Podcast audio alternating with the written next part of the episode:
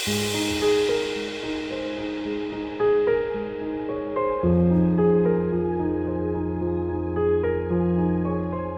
tulemast, olete kuulamas taas kord äh, podcasti Koosloomine, mina olen Heidi. mina olen Algis.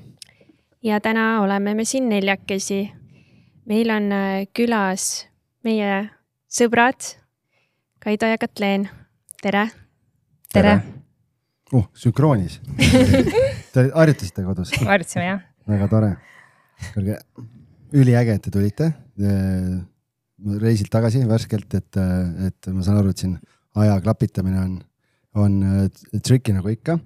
aga enne veel, kui me üldse hakkame siin rääkima teist ja teie armastuse loost, siis, siis mina meenutasin Heidile kodus täiesti huvitav tegelikult kokkusattumus, et praegu me oleme peaaegu naabrid, onju.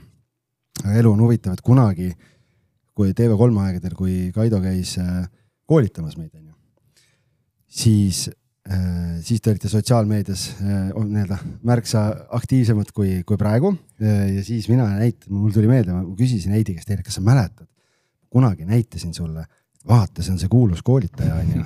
vaata, naisega koos teevad joogat kodus, mingit ulme, mingit ma ei tea, seal kahekesi koos mingid erinevad asjad ja nagu mingid, ma vaatasin, et noh, vau, et nii äge, esiteks, et nii äge ja teiseks tundus kõik nii keeruline ka muidugi. ja mind inspireeris lihtsalt, et nad teevad koos mingeid asju mm. -hmm. see oli periood, kus meil ei olnud nii palju koos olemist. ja, ja et, et päris äge meenutus, ma isegi ei mäleta, kui ammu see võis olla, ma arvan, sihuke kümmekond aastat. kaks tuhat viisteist kevad ja. pidi olema see jah. okei okay,, no vot, nii et üheksa, üheksa aastat tagasi et sellised huvitavad äh, mälupildid tulid ette, nii et, äh, et juba sellel ajal hoidsime silma peal teie, teie tegemistel ja, ja siis inspireerisite, nii et äh, ja, ja täna siis, siis räägime, räägime natukene rohkem, et uurime siis, et, et kes te olete ja mis selle üheksa aasta sisse siis mahtunud on, et kuigi noh, tegelikult isegi rohkem on ju. Mm -hmm. jah, võib-olla see küsimus, et kes te olete, see, see ei olegi oluline, võib-olla lihtsalt puudutada seda, et millega te tegelete ja, ja kust üldse teie lugu sai alguse, et meil on niimoodi kombeks äh, paaridelt küsida, et kuidas nemad kohtusid, et võite niimoodi põgusalt äh, teineteise vaateid meile edasi anda, et kuidas, kuidas sai teie lugu alguse? ma arvan, Katleen alustab siis Katleen on selle suure projekti taga, projekti taga kõige selle. Äh, kes me oleme? mina olen praegu lastega kodune juba varsti saab kuus aastat. nii et ma jääksingi praegu selle juurde ja tegelikult ähm, ka aktiivselt nüüd siis olen hakanud tegema turundusega äh, Kaido koolitusfirmale, siis motivaatorile. ja kui rääkida nüüd meie sellest kohtumisloost, et seal on hästi palju siukseid huvitavaid nüansse ja me kohtusime ühel üritusel, aga enne seda üritust, äh, ma arvan, et see oli äkki paar nädalat Äh, enne seda olin mina üldsegi välismaal ja ma olin kohe lendamas uude sihtkohta, kus ma pidin tegema oma unistuste tööd ja juhtus selline asi, et mul olid kõik piletid ostetud. ammu ma olin juba Eestis siis kuu aega ära olnud ja ma olin kõikidele kirjutanud siuksed ilusad pikad nagu lahkumiskirjad, et ma olen nüüd mitu aastat ära ja noh, mind enam ei näe ja ta-ta-ta.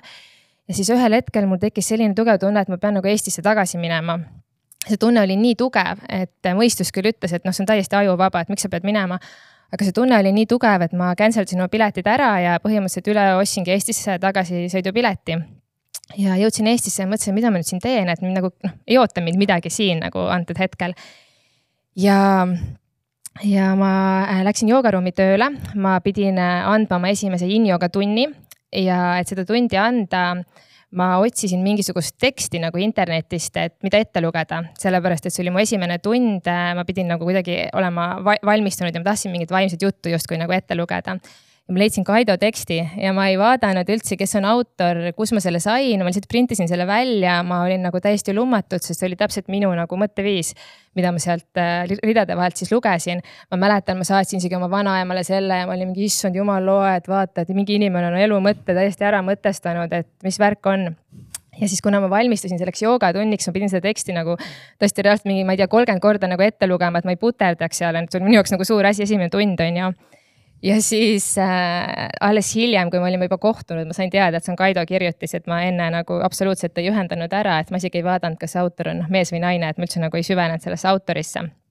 aga tol hetkel, kui me seal üritusel siis kohtusime, on ju äh,, siis äh, oli, oli tunda, et meie vahel oli lihtsalt hästi tugev side ja me ei olnud üldse üksteisele nagu niimoodi võib-olla välimuselt mingi kõige atraktiivsemad, et meil on hästi, meil mõlemal Kaidoga on nagu hoopis teine.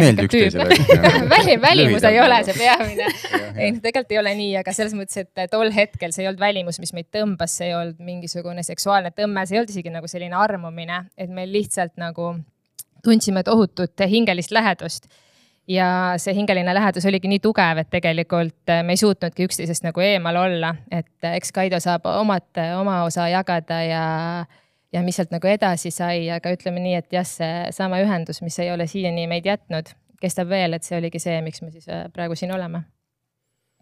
jah. kuidas sina, Kaido, mäletad uh, seda? mul tõmbas hinge kinni see praegu, see oli nii ilus. ja see lugu lihtsalt see, et nagu, kui tõenäoline on see mm. -hmm et see, noh, see lugu ja siis see, et te olete nagu hiljem saate kokku, et see. ja kuidas üks noor tüdruk äh, usaldab oma südametunnet, oma intuitsiooni, see on ka täiesti hämmastav. jah, sa olid kakskümmend ma olen kakskümmend kaks.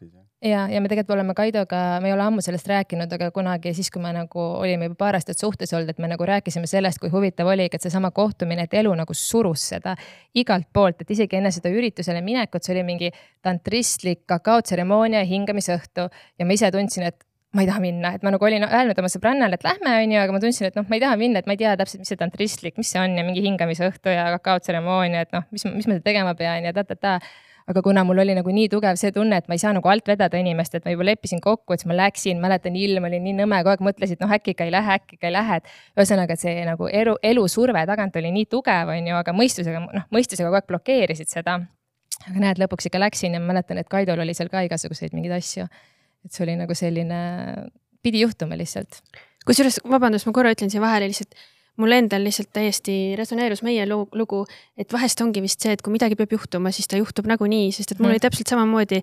ma olin öösel põhimõtteliselt töölt tulnud, nii väsinud, üldse ei viitsinud minna mingi sõbranna mingi eksmehe sünnipäevale. aga midagi, korterisse. aga midagi oli, ma mõtlesin, et no ma pean minema sinna mm -hmm, ja seal. Mälgisega kohtusimegi. et hästi huvitav sihuke mm, -hmm. tekkis praegu samastumine mm. -hmm. aga Kaido, palun, sinul on nüüd sõna jah, mul sellist eellugu ei olnudki sellele, vaid, vaid kuidagi ka teadsin, et mul tuttavad korraldasid seda tantsuõhtut ja läksin ja kõigepealt rääkisingi meie ühe ühise, ühise tuttavaga juttu seal ja siis noh, ma kirjutasin toona sellist blogi nagu sisekosmos.ee ja, ja nii mõnigi selles ringkonnas võib-olla teadis seda ja siis me rääkisime selle sõbraga seal midagi sisekosmosest ja Katleen kuidagi pooljuhuslikult vist kuulis lihtsalt sõna sisekosmos, igal juhul ta tuli meie juurde, mina Katleeni üldse ei teadnud.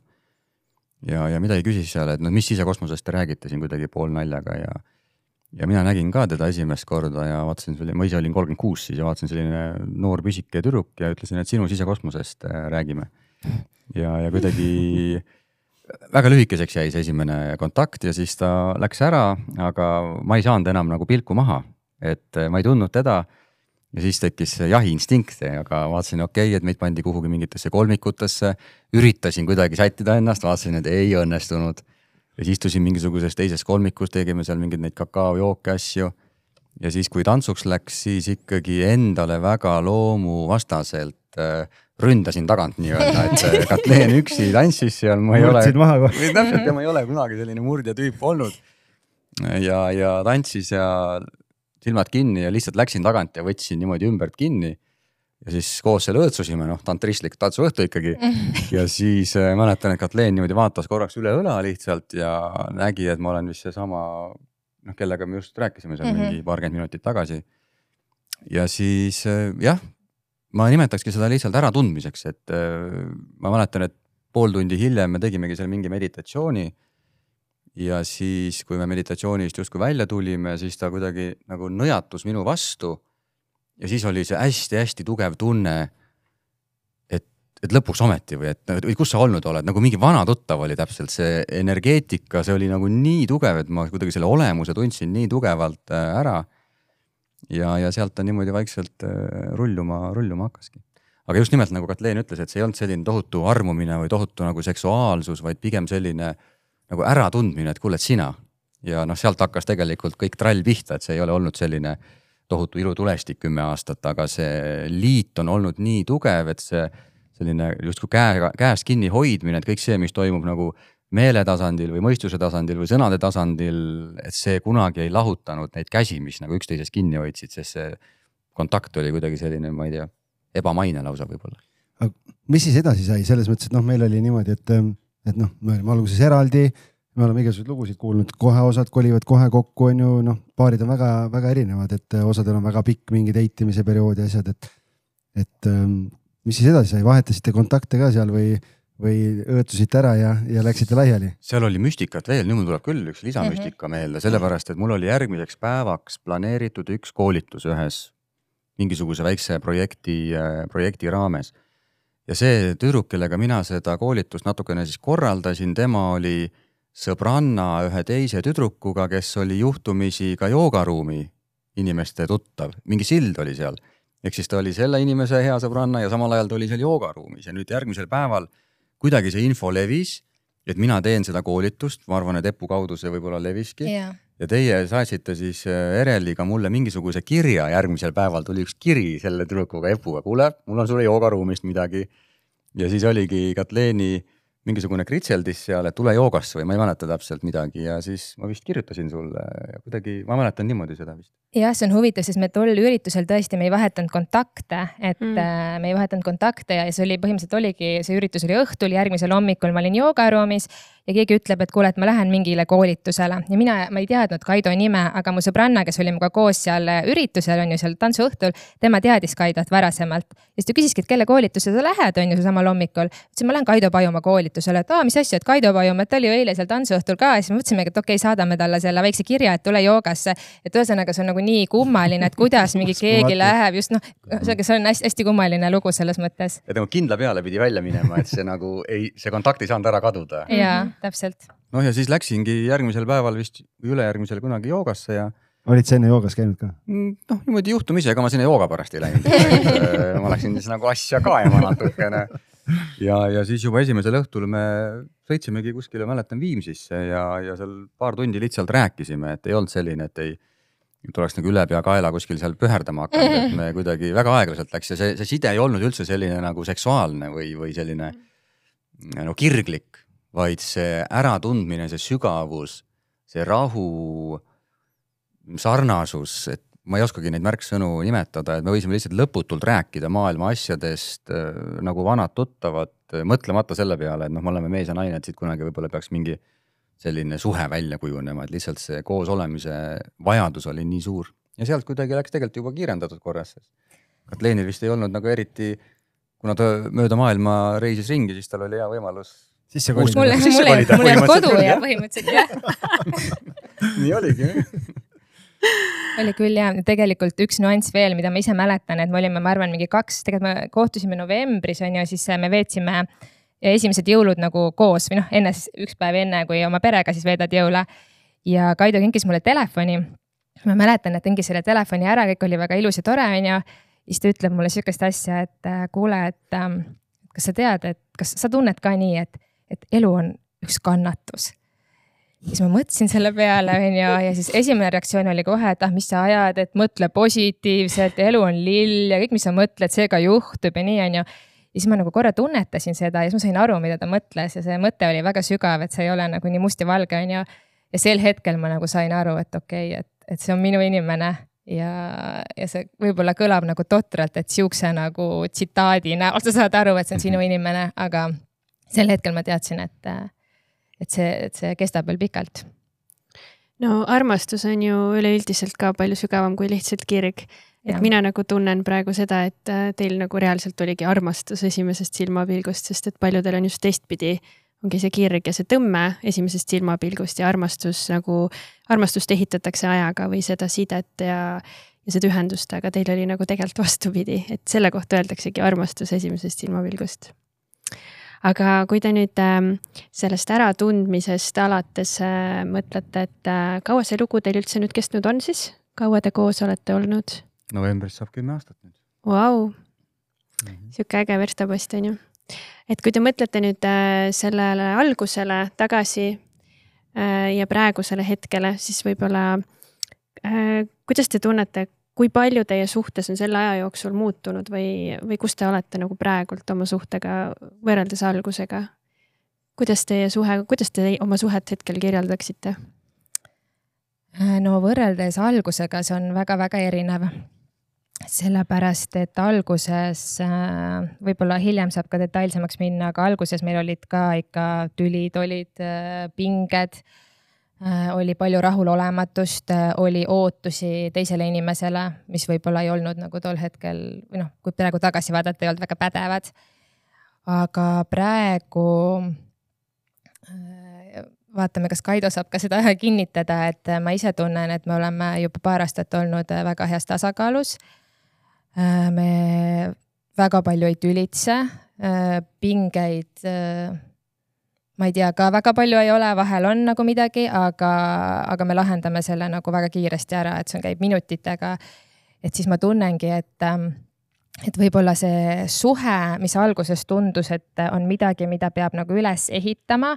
praegu see suhe lihtsalt on, et me ei tee nagu selle suhte nimel midagi me ei pinguta üksteise nimel otseselt, et me lihtsalt, kuna me oleme mõlemad jõudnud äh, oma elus mingit, mingisse la, laadsesse tasakaalu, siis see suhe lihtsalt toimib nii, nagu ta on, äh, ilma nagu puutumata seda, ilma surkimata seda. et äh, meil ei ole mingeid kokkuleppeid, palju me peame kohtamas käima, me pigem, me ei käi üldse kohtamas ja me oleme kogu aeg koos tegelikult. et meil ei ole mingeid ähm, meil ei ole üksteisele ootuseid, meil on üksteisele ainult praktilised ootused, aga meil ei ole mingeid emotsionaalseid ootusi. ja me mõlemad saamegi nagu keskenduda oma isiklikule elule, arengule ja siis sellele ühisele osale. aga see ühine osa lihtsalt toimub nii nagu äh, loomulikult, et, et me ei panusta sinna nagu väga palju oma energiat, ma ütleks nii. jah ma arvan, et korraks me ennem rääkisime, et siin on elus mingisugused sellised nagu sünkroonsuse, vaata nagu sa ütlesid ka, et sa nagu ei tahtnud sinna peole minna ja mm, -hmm. ja nagu meil see kohtumise lugu, et, et kuna ma olen nagu viisteist aastat ka sellise eneseotsingu ja sellise vaimse, vaimse otsinguga tegelenud, siis ma olen täna täiesti veendunud, et juhuslikke asju ei ole üldse olemas, et kõik on tegelikult äh, justkui osa mingisugusest suuremast äh, plaanist ja see kohtumine pidi aset leidma, meie kohtumine ja ma olen täiesti veendunud, ka teie kohtumine mm. -hmm. ja sellist laadi nagu kohtumiste eesmärk ei ole lihtsalt, ma ei tea, lapsi saada ja, ja, ja kodu luua ja reisimas käia ja vaid sellel on alati tegelikult taga selline isiksuslik areng, isiksuslik areng, vaimne areng. ja mulle tundub, et kuidagi elus sätib neid kohtumisi niimoodi, et need osapooled teises käivitavad väga-väga tugevad arenguprotsessid. ja nüüd küsimus on selles, et kui teadlik inimene on ja kui palju ta ka väljaspoolt saab nagu abi ja tuge ja kui palju ta vastu võtab, et oma arenguga päriselt tegeleda, sest et nagu Katleen ütles, siis äh, mina usun ka sellesse, et kahe sellises endaga heas tasakaalus inimese vahel toimub paarisuhe hästi loomulikult ja naturaalselt. ja meie puhul oligi see, et äh, miks see algul ei olnud selline tohutu kirglik äh, seksuaalne armastus, sest et äh, Katleenil on all väga tugev isakaotuse haav ja, ja kuna ma olen temast ikkagi peaaegu neliteist aastat vanem, siis äh, minu arust paljuski alguses ta ikkagi ei otsinud endale mitte partnerit, vaid isa ja, ja leidiski endale sellise turvalise, turvalise partneri ja, ja ilmselgelt sul on tütrena oma isa suhtes päris palju ootusi, aga ma ei tellinud seda rolli, et ma tellisin tegelikult nagu kaaslase rolli mm. -hmm. ja see väga-väga kõvasti tekitas neid ootusi, mis tekitas minus väga palju segadust, sest et kui sa oma mehes näed tegelikult isa, siis mees ei saa kunagi isa rolli täita, aga kui naine seda ei teadvusta, siis paratamatult tekitab see konflikte, sellepärast et mina tajun, et ta on teises rollis, aga ta ise seda võib-olla veel ei näe läbi.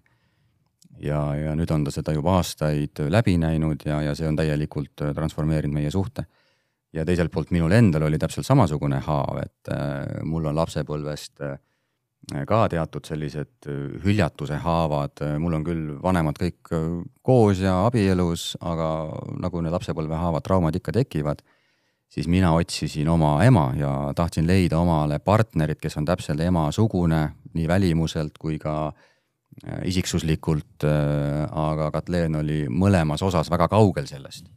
Ja seetõttu tekitas see minus väga tugeva emotsionaalse eemaloleku. ma olin täiesti emotsionaalselt kättesaamatu, mis veelgi rohkem käivitas Katleenis seda tunnet, et teda ei armastata sõltumata, kas siis nagu partneri vaates või isa vaates, et a la isa mu hülgas, nüüd veel see tüüp ka hülgab, ühesõnaga see oli selline pesumasin, mis ikkagi esimesed mingi kolm, kolm-neli aastat ikkagi käis läbi ainult tänu sellele, et meil oli mõlemal väga tugev selline vaimse arengu huvi. Mis oli huvitav, et see käivitus meil enam-vähem nagu samal ajal tegelikult, kuigi me oleme suur vanusevahe, aga tema alustas juba seal mingi viieteist-kuueteistaastaselt, mina alles seal kolmekümnendate alguses siis ainult tänu sellele, et me suutsime teadvel püsida ja me leppisime kokku, et me ei lase nii-öelda sellest käest lahti, millest ma algul rääkisin. et on, mis on, et me nii palju saime aru, et see on osa mingisugusest õppeprotsessist ja me suutsime siis püsida teadvel, pidada need vestlused maha, kuigi neid kohvrite pakkumi-, pakkimisi oli päris mitmeid, aga ma alati ütlesin, et vaata, siin on kohvrid praegu sul siin, et nad on nagu siinpool piita. sa pead sellega arvestama, et kui need lähevad nagu teisele poole piita, kasvõi korraks, et siis nad tagasi ei tule sealt ja siis need alati kohvrid jõudsid sinna Piidani ja siis me läksime dialoogi, siis me hakkasime arutama ja siis need kohvrid läksid niimoodi kappi tagasi jälle. ja ikka mitu korda oli, oli seda mm. -hmm. nii et see oli selline keeruline aeg tegelikult, mis meid tohutult palju ka kasvatas äh, vaimselt ja, ja nagu isiksuslikult.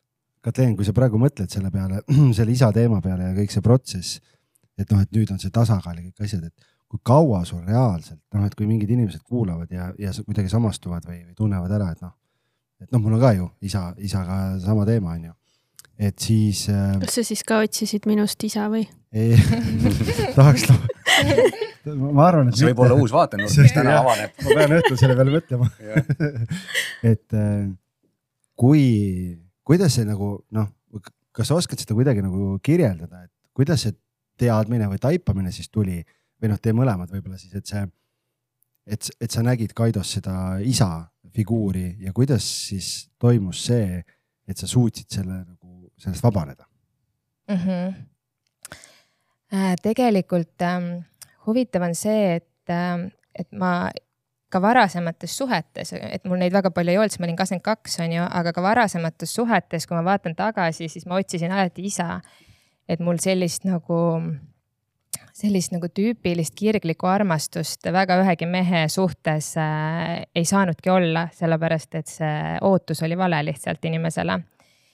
ja kui me Kaidoga kohtusime, siis tegelikult me üheskoos hästi ruttu nagu hammustasime selle läbi, sest et kui mina rääkisin talle oma minevikust ja siis me ilmselgelt teadsime seda vanusevahe mõlemad, et siis see oli nagu selline noh, väga loogiline seletus, on ju ja samamoodi ma nagu nägin, et mind ei huvita niivõrd see romantiline ja, ja seksuaalne pool.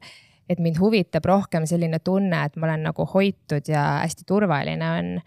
et, ähm, et see oli kuidagi nagu hästi selge, et kuigi ma kuigi ma tegelikult ise nagu justkui Kaidole kogu aeg noh, selles mõttes, et kuna tema oli emotsionaalselt eemal, siis ma tegelikult talle kogu aeg rääkisin, et noh, avane emotsionaalselt ja tule lähemale ja. ja kohe, kui tema reaalselt emotsionaalselt lähemale tuli ja avanes, siis mul tõmbas täiesti krampi ära, et ma olin, issand jumal, et mingi romantika ja oi fui-fui-fui, paned mingid lillekesed siia südamekujulised sushid ja et täitsa nagu sihuke jookse minema ja, ja kunagi, kunagi ei taha näha seda inimest et selles mõttes see koorus nagu hästi äh, ruttu välja et kui ma noh, täna vaatan nagu meie suhet, kus seda isa-faktorit üldse ei ole, siis äh, ilmselgelt meil on esindatud nagu kõik suhte osad on ju, mis puudutavad ka seksuaalsust ja romantikat, et. et see ei tähendanud seda, et ma olin romantikavastane inimene, vaid lihtsalt need suhterollid olid täiesti nagu pahupidi. et, et ma arvan, et kui mõni inimene vaatab oma suhet, siis ta tegelikult näeb neid punaseid lippe. kui ta hakkab mõtlema selle peale, et kuidas ta oma kaaslasega käitub Äh, jah, ja meil oligi selles mõttes hästi-hästi huvitav see algus, et kuna mina nagu Kaidolt hullult ootasingi seda hoolitsemist ja ma, ma tunnen, et ma olin enne seda suhet väga iseseisev inimene, aga kui me sinna suhtesse sattusime, siis ma nagu täielikult infantiilistusin ära et, et otsisingi seda, kes nagu mind hoiaks ja on ju nagu oleks olemas. aga Kaidole üldse ei meeldi nõrgad inimesed ja tema, kuna tema ema on hästi sihuke nagu äge naine, kes saab kõigega ise hakkama ja läheb nagu tank läbi elu, siis Kaidole ei meeldi nõrkus ja siis me olimegi täpselt nagu selle ees, et, et meil oli lihtsalt nii palju trigger eid, nii palju päästikuid iga päev, et me olime nagu täiesti noh, vaatasimegi teist inimest ja vaatasime, et issand jumal, et see ei ole üldse see inimene, et ma ei peaks üldse siin suhtes olema. aga no ma arvan, et meid päästiski see, et kuna me teadsime, et me justkui peame või tundsime, peame koos olema, et me ei saa siit nagu, me lihtsalt elu, elu ei lase meil lahku minna. et siis me tegimegi alguses selliseid kokkuleppeid, et et kui kellelgi lendab nagu täiesti katus pealt ära, on ju, ja hakkab, hakkab laamendama emotsionaalselt, et siis me laseme nagu sellel minna ja et me, et me ei tee nagu mingisuguseid otsuseid, et lähme nüüd lahku või mida iganes, et me lihtsalt nagu aktsepteerime seda, et üks inimene kaotas teadvuse või kaotas nagu teadlikkuse, on ju, ei kaotanud päris teadvust, aga kaotas teadlikkuse. ja et ta tuleb ühel hetkel, see emotsioon läheb ühel hetkel ära ja see väga palju aitas mind, meid, sellepärast et noh, siis ei võta nagu tõsiselt, et sa vaatadki seda kui mängu, et okei okay,, keegi mingi emotsioneerib siin on ju, et noh, hommikuks on kõik hästi jälle, et siis saame nagu edasi minna et selles mõttes see oli üks väga hea kokkulepe, mis me tegime suhte alguses ja seega meid, ma arvan, päästis alguses esimestel aastatel. kuule, päris hea uue sõna sain, emotsioneerib et, et kodus midagi on, siis ütled, mida sa emotsioneerid väga õige. no mina julgen öelda, et äh, me ikkagi püsisime koos äh, Katleeni, tänu Katleenile. üks asi see, et Katleen pakkis kohvrid ja see on selline võib-olla tema selline naiselik pool lõi välja või noh, selline naise identiteet, et see kuidagi on normaalne, et sul emotsioonid löövad üle pea. aga see, kui pikki vestlusi me pidasime ja kuidas Katleen ikkagi, olles minust neliteist aastat noorem, püsis teadvel, õpetas mind, jäi kohale. noh, see oli minu jaoks ikkagi täiesti noh, uudne ja, ja täiesti mõistetamatu, et kuidasmoodi nii noor inimene üldse suudab nii kohale jääda, nii teadlik olla, nii et see on tegelikult äh, fenomenaalne, kuidas tema on seda suhet äh, ühelt poolt väga kindlakäeliselt, mõnes mõttes ka nagu omakasupüüdlikult, just selles tähenduses, et ta tahtis peret, ta tahtis lapsi ja see oli täiesti arusaadav. aga kolmandalt poolt ikkagi hästi kõrge teadveloleku juures, noh nagu ta mainis, mingi tüli oli ja need tülid alati lõppesid sellega, et ma tund aega lihtsalt kuulasin nagu väike poiss kuulasin, kuidas ta rääkis äh, lahti, mis oli minu osa, sest kui sul on emotsioonid üle pea, sa ju ei kuule, sa ju projitseerid mingisugust oma nagu alateadlikku jama sinna teise inimese peale. et ta rääkis mulle asjad lahti ja ma esimest korda kuulsin, et üks naine rääkis mulle asjad lahti, et kuidas tema näeb mind käitumas, äh, kuidas tema tajub seda, kuidas on tema perspektiiv ja ta esindas minu jaoks tervet naissugu mitte iseennast, sest ta ei käitunud nendel hetkedel sellise pisikese naisena, ühe Katleenina, vaid ta justkui rääkis kogu seda naise, naiste perspektiivi mis oli ka mulle eelnevates eludes kõvasti nagu probleeme teinud ja ma ei, ma kunagi ei mõistnud. nii et need tülid alati lõppesid, ma ütlen nagu üheksa tüli kümnest lõppes sellega, et pärast tund aega, kui ma olin kuulanud, siis ma lasin kõrvad lonti ja palusin vabandust ja ütlesin, okei okay,, sul on õigus. et võib-olla ühel juhul kümnest oli see, kus siis mina sain kõnet pidada ja rääkisin nagu meessoo vaadet ja, ja Katleen ütles siis lõpus alati, et vabandan, et meil oli selline hästi vabandamise kultuur, hästi ärakuulamise harjumus, et me ei teinud üksteisele kunagi päriselt haiget, et me jäime kohale ja, ja tahtsime tegelikult sellest läbi minna.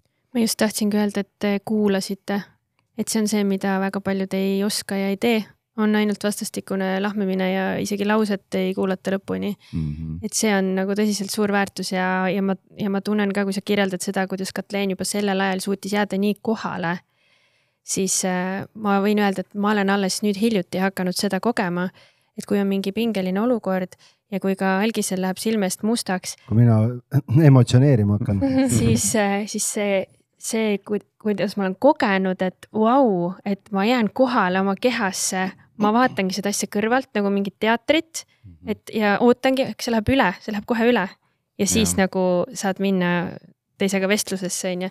et see on nii äge, et sa juba oskasid seda nii noorelt. ja. no meie õpet-, mitte õpe-, ma nimetan teile õpetajaks, aga minu selline vaimne õpetaja, vaimne suunanäitaja olnud juba viisteist aastat, on üks äh, Dagestanist pärit selline äh, massöör Polina ja kui ma Katleeniga kohtusin ja ütlesin Katleenile, et tahad ka äkki minna, siis Katleen käis ära ja Poliina ütles mulle, et äh, ole selle inimesega väga-väga ettevaatlik ja, ja väga tundlik, sest tegemist on kristalliseerunud vaimolendiga ja ta ei saa eriti hästi aru, kuhu ta sattunud on. ja ta on väga suures segaduses, sest et see keskkond, kus ta on, et see ei sobi talle. ja vaata, see oligi see, et Katleeni selline eluvõõrus on ka minu sellise väga asjaliku ja hakkama saava ema taustal olnud see, mis on mind väga-väga palju just käivitanud, et ta et ta ei saa nagu elementaarsetest asjadest tihtilugu aru, mis mind nii närvi ajab, et kuidasmoodi üks inimene ei saa aru, no kõige võib-olla markantsema näite paari kuu taguselt oli see, et ta õhtul ise rääkis mulle, et äh, triigib siis aeg-ajalt minu koolitussärke ja triikis päris mitu särki ära ja siis avastas, et triikraud ei ole sees üldse. Selliseid näiteid kui sa oled sellise pragmaatilise nagu mõtteviisiga ja väga eluga hakkama saav ja eluga kontaktis olev nagu inimene ja sul on kõrval siis selline noh, lillelaps on, ma ütlen kergelt öeldud selle kohta, kes nagu üldse ei saa aru, mis siin maailmas toimub ja küsib küsimusi umbes, et noh, umbes noh, ma nagu näitlikustan lihtsalt, et äh, kuidas nagu, kust lumi tekib nagu, et, et noh, siis äh, andis omajagu ikkagi mõtlemisainet aga jah, see üksteise käivitamine, see on meile ka väga tuttav, et nüüd, kui me oleme ka ise uurinud oma neid haavasid, siis äh, täpselt nii ongi, et me pidimegi saama kokku selleks, et tuleksid nähtavale need äh, asjad, millega kumbki siis mitte ei pea, aga võiks mina tegeleda. ta peab kogu aeg mingeid asju tegema, mis mul mingeid vanu asju üles tuleb, mina ei saa sellest aru no.. jah, noh, vanasti sa ajas lihtsalt närvi, nüüd me võtame neid kui kingitusi.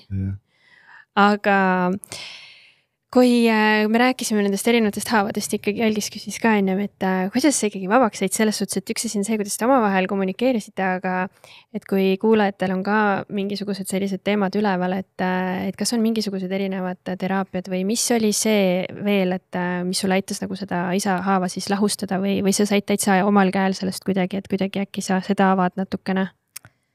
jaa, tegelikult ähm see suhte algus või esimesed kaks aastat oligi minu jaoks nagu reaalselt selline tunne peaaegu nagu iga nädal, et keegi nagu pussitaks südamesse, sest et ma äh, kogesingi kõiki neid emotsioone, mis ma siis nagu aastaid olin alla surunud ja millest ma kellelegi ei olnud rääkinud äh, ega, ega, ega jaganud, on ju.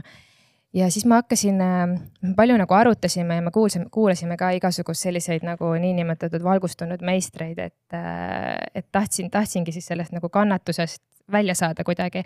ja kuna ma ise hästi usun nagu sellisesse eneseteraapiasse, et ma ise nagu, et keegi teine ei saa mind aidata, et ma ise nagu eelkõige pean nüüd sellega nagu hakkama saama siis ma hakkasingi jälgima, et mis juhtub, äh, mis juhtub siis sellel hetkel, kui mul nagu tuju ära läheb, niinimetatult on ju, et mis see päästik siis tegelikult on ja mis see trigger nagu tähendab minu jaoks, on ju.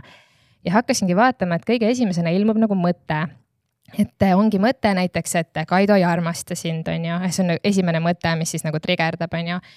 ja siis ma hakkasin vaatama, et noh, et öeldakse, et mõtted ju on siin ajus, on ju, et mõtted on peas, aga vaatasin, et kuhu see mõte tekib ja leidsin üles selle koha, kuhu mõte tekib ja minu jaoks siis mõte tekib ruumi, ehk siis minu ette tekib mõte. ja siis ma sain aru, et aga mõte on ju objekt et äh, samamoodi nagu praegu, kui ma vaatan siin ruumis ringi, et Heidi on mul objekt, Algis on mul objekt, on ju. ja kui ma tahan oma tähelepanu, oma fookust liigutada Heidilt Algisele, siis ma saan seda teha, see on mu enda valik ju. ehk siis, kui mul tuleb mõte näiteks, et Kaido ei armasta mind või et ma ei ole armastust väärt, on ju, siis ma saan ju oma tähelepanu mõttelt ära võtta ja mis juhtub, kui ma võtan oma tähelepanu mõttelt ära, juhtub ju see, et mu vägi tuleb minu juurde tagasi, et ma ei anna oma väge nagu mõttele ja ma hakkasingi seda praktiseerima, et ma lihtsalt kogu aeg hakkasin oma fookust mõtetelt ära tooma. ja alguses see on hästi raske, sest et noh, kui teil kunagi on olnud nagu näiteks mingi nagu mental attack või nagu ärevushäire, siis sa ju nagu tead, et sa ei suuda seda fookust nagu kuskile tuua, et sa oled täiesti selle nagu sees, et selle mõtte sees ja emotsiooni sees on ju aga mida rohkem seda harjutada, harjutama hakata, seda rohkem sa hakkad nagu aru saama, et mis sinu sees siis tegelikult toimub. ja alati, kui tekib nagu kui sinu nagu olek muutub, ütleme neutraalsest, siis nagu ma ei tea, tuleb paha tuju või nimetame seda nii, on ju, siis mõttega on ju koos ka emotsioon, on ju, sest mõte on lihtsalt info. aga emotsioon on siis see, mis nagu algatab sellise möllusu sees, kus sa siis põhimõtteliselt kaotad pea, on ju, või öeldakse, et nagu, et lähed endast välja, on ju, sa lähed enda keskmisest välja mm. -hmm. siis ma hakkasin vaatama, aga mis see emotsioon siis on, on ju, et mis ta on siis tegelikult ja saingi aru, et emotsioon tekib minu sees ja mul tol hetkel ma tundsin emotsiooni kõige rohkem siin südamepiirkonnas, et, et seal oli nagu kõige rohkem avaldus siis neid raskeid emotsioone. ja emotsiooniga ma ei teadnud siis, mida teha tol hetkel ja ma lihtsalt nagu jälgisin seda, et ma jäin kohale. ja kui pikalt jääda kohale kuhugi emotsiooni, siis äh, kas ta lahtub, muidugi selle nagu see, et ta lahtub, noh emotsioon ikka läheb ju üle, sul on halb tuju, hea tuju on ju, kellel kiiremini, kellel nagu pikemalt on ju aga teine asi, mida sa saad teha, on ju, et sa saad leida asendustegevused, näiteks kui sa nagu näedki, et mõtted hakkavad ketrama, on ju, tood tähelepanu ära, tood tähelepanu ära, on ju, vaatad, emotsioon on peal ja leiadki asendustegevused. minu puhul oli siis, ma ei tea, läksin koeraga jalutama, tegin joogat äh, ma ei tea, läksin, noh, mul oli hästi palju loodusega seotud ma tegin lihtsalt midagi muud, et saada, saada sellest kohast äh, välja. ja ma tol hetkel ei teadnud seda, hiljem ma sain aru, et ma tegelikult surun need emotsioonid alla aga kui sa ei tea, mida teha, siis on teadlikum suruda emotsioone alla, kui siis nagu elada kellegi, kellegi peal seda nagu välja. ja siis ma hakkasingi vaatama seda, et äh, kui mul oli nagu alguses Kaidole noh, selline ootus, et näiteks kui mul on paha tuju, et tule ja hoia mind ja kallista mind ja, ja siis ma nagu nägin, kuidas ma nagu lõdvestusin ja see nagu emotsioon kadus ära, onju siis ma, me leppisime kokku, et aga ära tee ühtegi asja minu heaks sel hetkel, kui mul on valus, sellepärast et muidu ma annan ju oma väe nagu Kaidole, et sina nüüd tule tee mind terveks või sina nagu aita mul läbi saada, ma tahan ju ise sellega tegeleda, sest noh, sa ju lõpuks nagu sünnid üksi ja sured üksi, on ju, et sa pead ise sellega tegelema. Ja siis me tegimegi kokkuleppe, et Kaido käitub täpselt nii, nagu ta on alati käitunud, ta ei muuda endas midagi. ja mina siis äh, tegelen ise, ise oma probleemidega ja lõpuks, äh, mida paremaks see iseenda, iseendasse vaatamine läks või mida nagu rohkem ma sain aru, mis protsessid need on, on ju seda nagu selles mõttes nagu naeruväärsem oli kogu see situatsioon, kuna lõpuks on ju mõte on lihtsalt, äh, mõte ei ole ju fakt, on ju, mõte lihtsalt tuleb kuskilt ja läheb kuskilt, see on nagu automaatne, sa ei ole seda, sa ise nagu ei genereeri seda, on ju. Samamoodi on emotsiooniga, et sa ei saa ju kontrollida emotsionaalsust, et see lihtsalt tekib, on ju jumala lambist, on ju, ja siis see ka lahtub ühel hetkel, on ju. ja siis, kui sa, kui ma nagu selle läbi nägin, siis ma lihtsalt suutsin seda olukorda nagu täielikult kontrollida ja see eh, jõud kadus täiesti tagant ära. ja nüüd eh, noh, aastaid hiljem, eks me räägime ka nendest eh, automatismide vabastamisest, et kui ma varem siis vaibutasin kõik need emotsioonid ja ma suutsin nagu luua tegelikult päris tervikliku suhte, et me ei tülitsenud, on ju, aga kui seal ütleme niimoodi, et nagu potikaane all kogu aeg nagu podises on ju, et lihtsalt äh, neid tülisid ei olnud nii palju, aga iga paari kuu tagant nagu üks mingi pauk käis, kus ikkagi seesama asi nagu purskas välja. et need emotsioonid ei olnud kuhugi kadunud, aga vähemalt äh, see suhe oli selles mõttes terve, et, äh, et me ei näägutanud üksteise kallal või meil ei olnud nagu selliseid pidevaid pingeid ja pidevaid äh, trigger eid. et äh, mina kasutasin jah, sellist enesevaatlus nagu metoodikat tol mm. Noh, sina oled ka kõvasti keskmisest teadlikum inimene juba sünni, sünniomaduste poolest, nagu ma aru saan. kristalliseerunud vaim olen. jah, et äh, ma arvan, et igaüks ei, ei suuda, et see on tõesti väga äge, et sa ise niimoodi suutsid, et äh, me lihtsalt Algisega ka siin oleme arutanud, et, äh, et kust meie nagu emotsioonid ikkagi ähm, et väga palju on seotud igasuguste mineviku traumadega, et kui sa kunagi oled, on ju, kogenud mingit olukorda ja siis hiljem ta siis tuleb, on ju, mingites uutes olukordades sind trigerdama.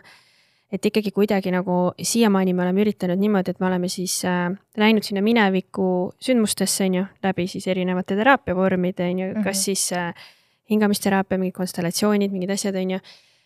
ja, ja kuidagi üritanud selle trauma seal ära lahendada või siis selle noh, selle asja, mis siis trigerdas, on ju, ja ma juba näen ka niimoodi, et, äh, et kui sealt on nagu see lugu lahendatud, on ju, et siis kaob ka ära see emotsioon, mis ei käi sulle ja uuesti nagu ennast näitamas mingis sarnases olukorras, on ju. Mhm. et just hiljuti ka Algisega käisime on ju seal paari konstellatsioonis ja Algis tegeles seal oma ühe väga suure teemaga ja, ja nüüd ongi, kui on mingi elu toob ette uuesti sellise olukorra, kus sa võiks teda trigerdada, siis ta tunneb, et seal nagu puudub see emotsioon, on ju. Mhm. et, äh, et see on võib-olla niisugune nagu üks viis, on ju. Mhm. ja miks me teid ka kutsusime äh,, väga suure, suuresti oligi see just see emotsioonide teema, sest et me näeme, kuidas äh,, mis iganes asju sa võid paari suhtes teha, on ju.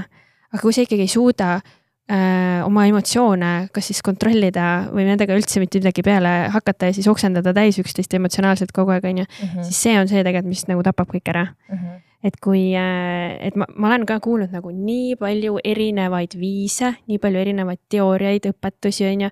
tee nii või tee nii, siis äh,, siis sa nagu juhid või kontrollid või vabastad või kuidas iganes keegi ütleb, on ju.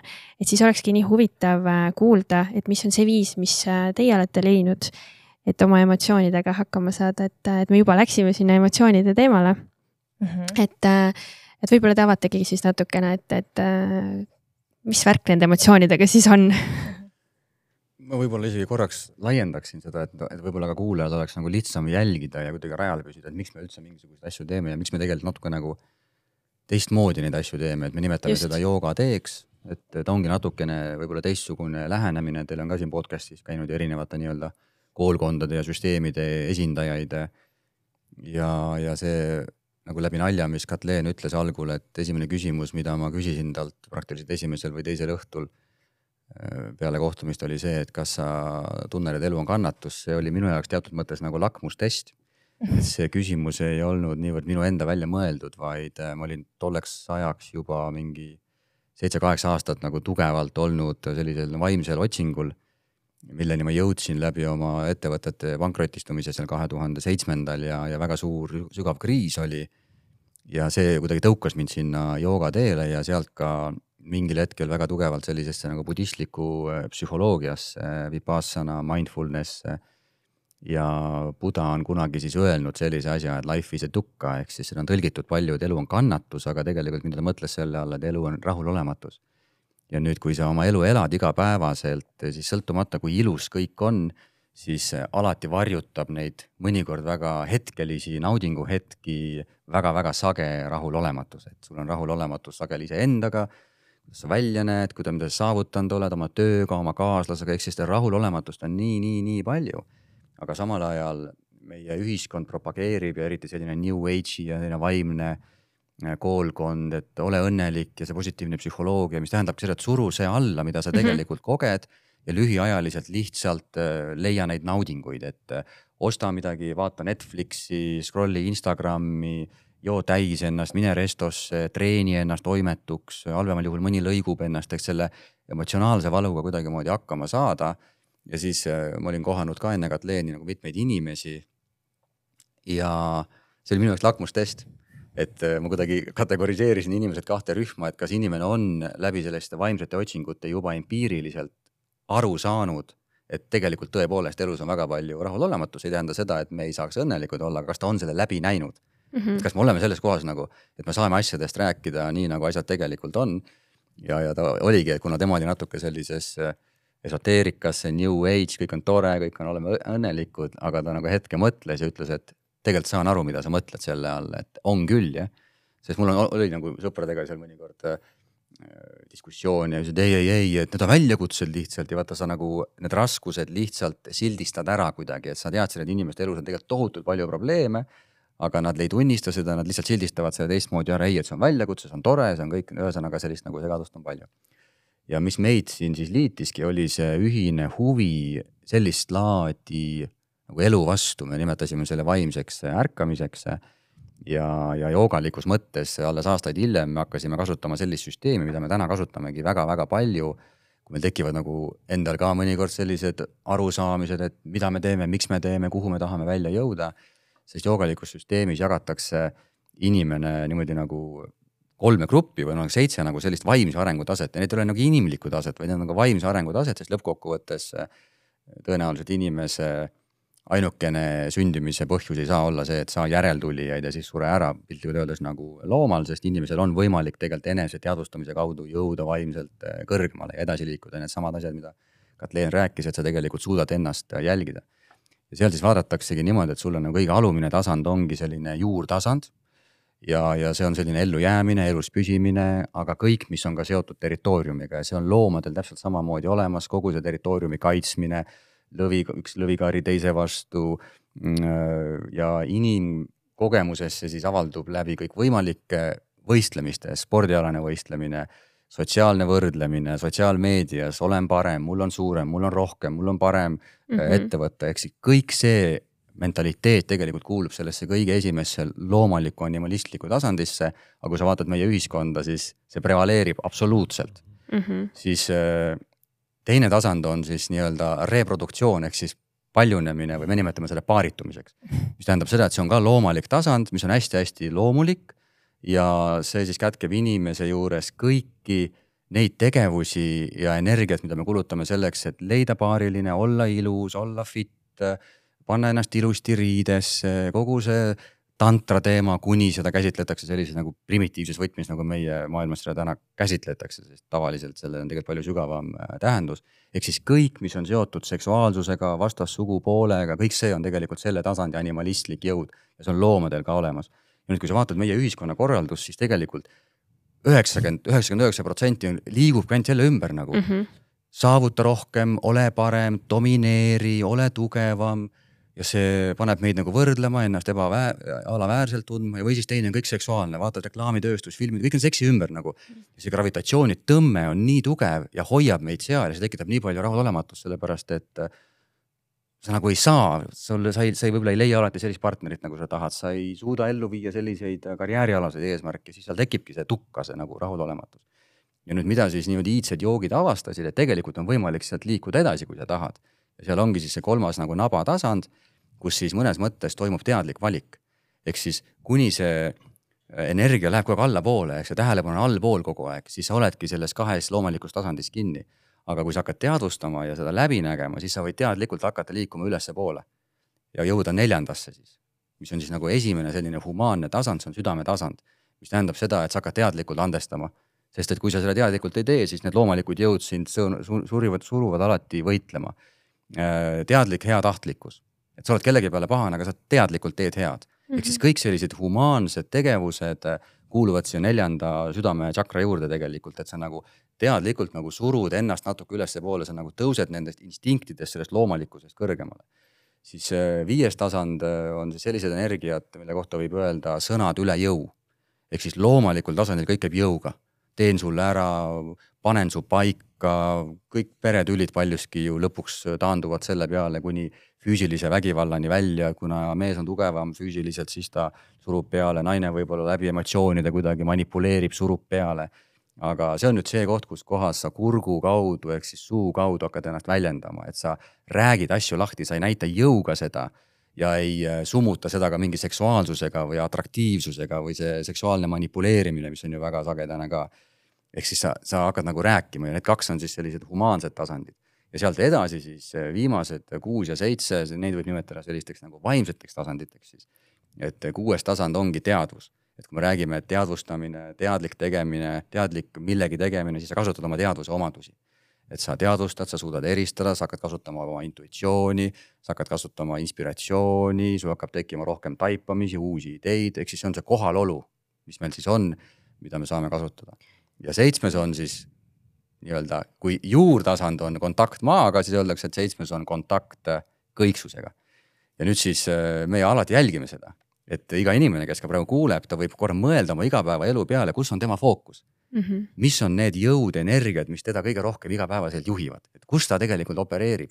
ja kui me ka kipume mõnikord nagu kaklema või niimoodi arutama või diskuteerima, siis me vaatame, okei okay,, et kus me oleme sellel tasandil, et mis jõud meid praegu taga ajavad ja kuna meil on see kaart aluseks võetud, siis me saame ise valida, okei okay,, et kas me tahame loomulikkust äkki kõrgemale, äkki tuleme humaansusesse, äkki liigume nagu vaimsetele tasanditele ja see on väga-väga palju aidanud ka meil oma sihti seada, sest me mõlemad tunneme, et elu eesmärk ei saa olla jääda loomaks.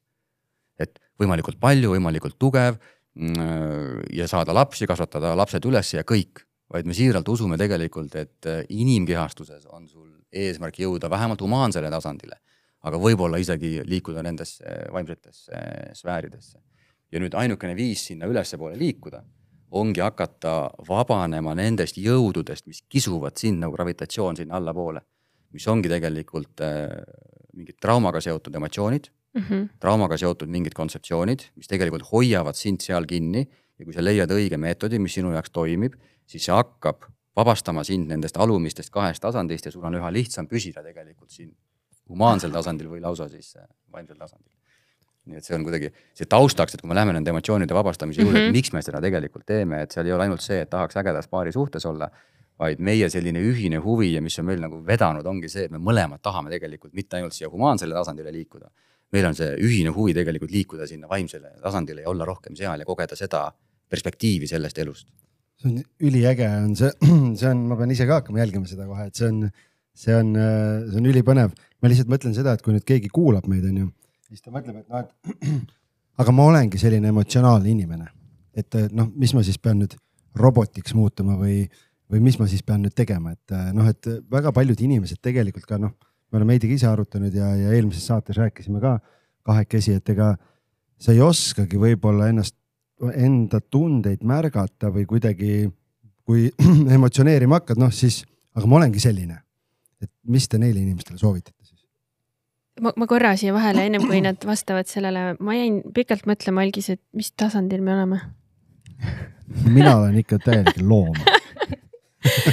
Ma ütleks küll, et me, kui Kaido kirjeldas neid tasandeid, siis äh, mina kuidagi tõlgendasin neid oma keelde ja kuidagi, kui sa rääkisid siin, äh, see oli neljas tasand vist on ju, see humaanne tasand.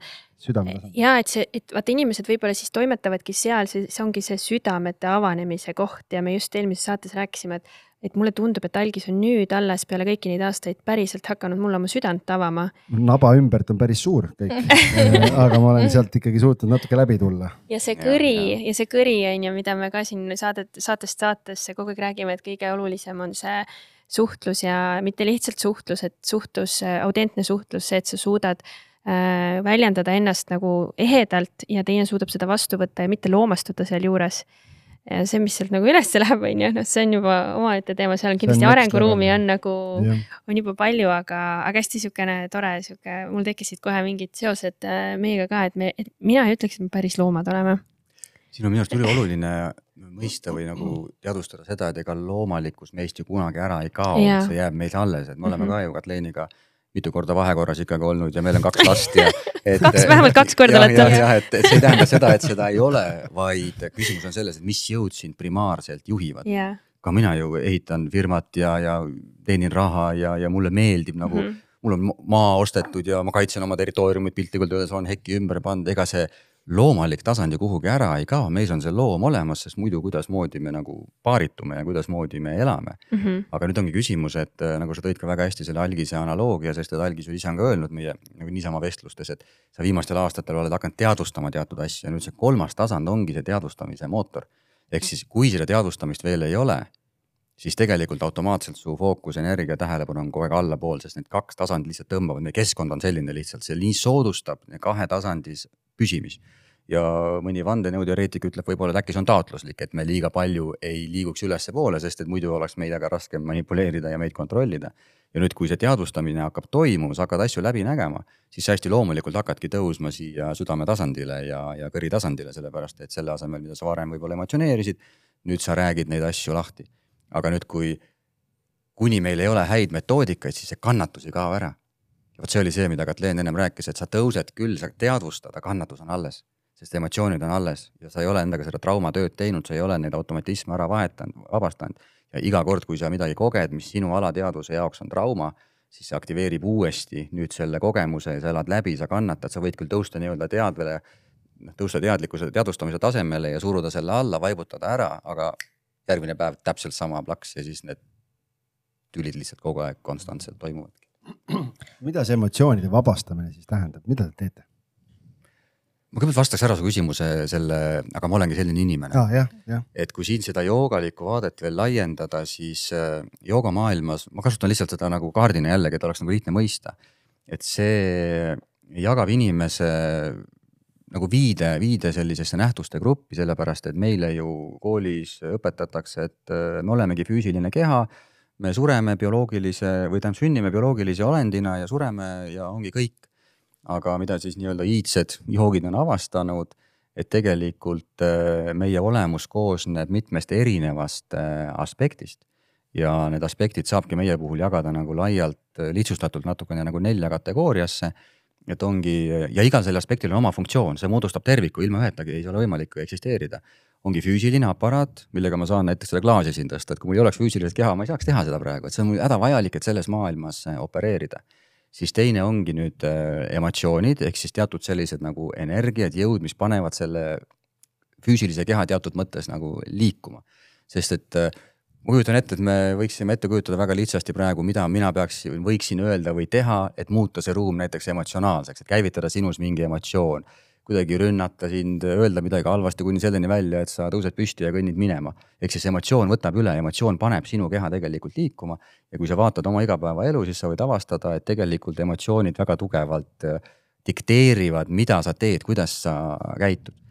nüüd kolmas nähtuste grupp on siis mõtted, sest ega emotsioonid ei aktiveeru automaatselt lihtsalt, seal all on alati kas teadlik mingi mõte või alateadlik mõte ja sealt tuleb see info. ja nagu sa ütlesid, et a la me töötame oma mingisuguseid traumasid läbi, siis sa kasutad selleks ju tegelikult mentaalsust, mõtteid, sa meenutad midagi.